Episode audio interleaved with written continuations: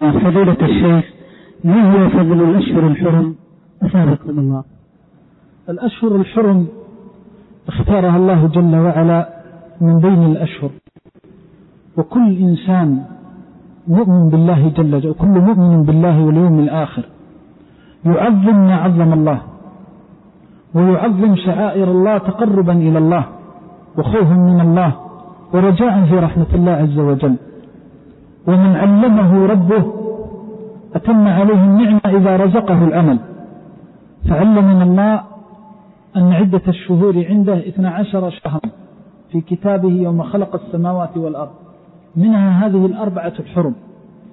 ثم سكت سبحانه عن بيان هذه الأربعة الحرم ما هي. فجاءت السنة وبينتها وهذا مما يسميه العلماء الإجمال الذي بينته السنة. فجاءت السنة عن رسول الله صلى الله عليه وسلم في خطبة حجة الوداع وقال ثلاثة سرد وواحد فرد آه، ذو القعدة وذو الحجة والمحرم ورجب مضر.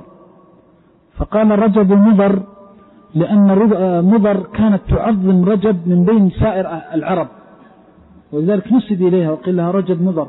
هذه الأربعة الأشهر حرم عند الله عز وجل والواجب على المسلم أن يتقي فيها المحرمات سواء كانت من الأقوال أو كانت من الأفعال الظاهرة الباطنة العامة الخاصة يتقيها.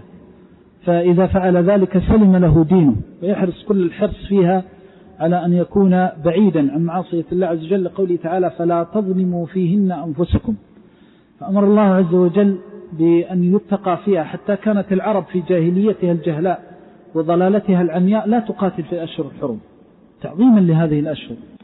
وكانوا يقولون لربما وجد الرجل قاتل أبيه فلا يقتله في الأشهر الحرم تعظيما لها. وأهل الإسلام وأهل الحنيفية أولى بالتعظيم منهم والله تعالى أعلم.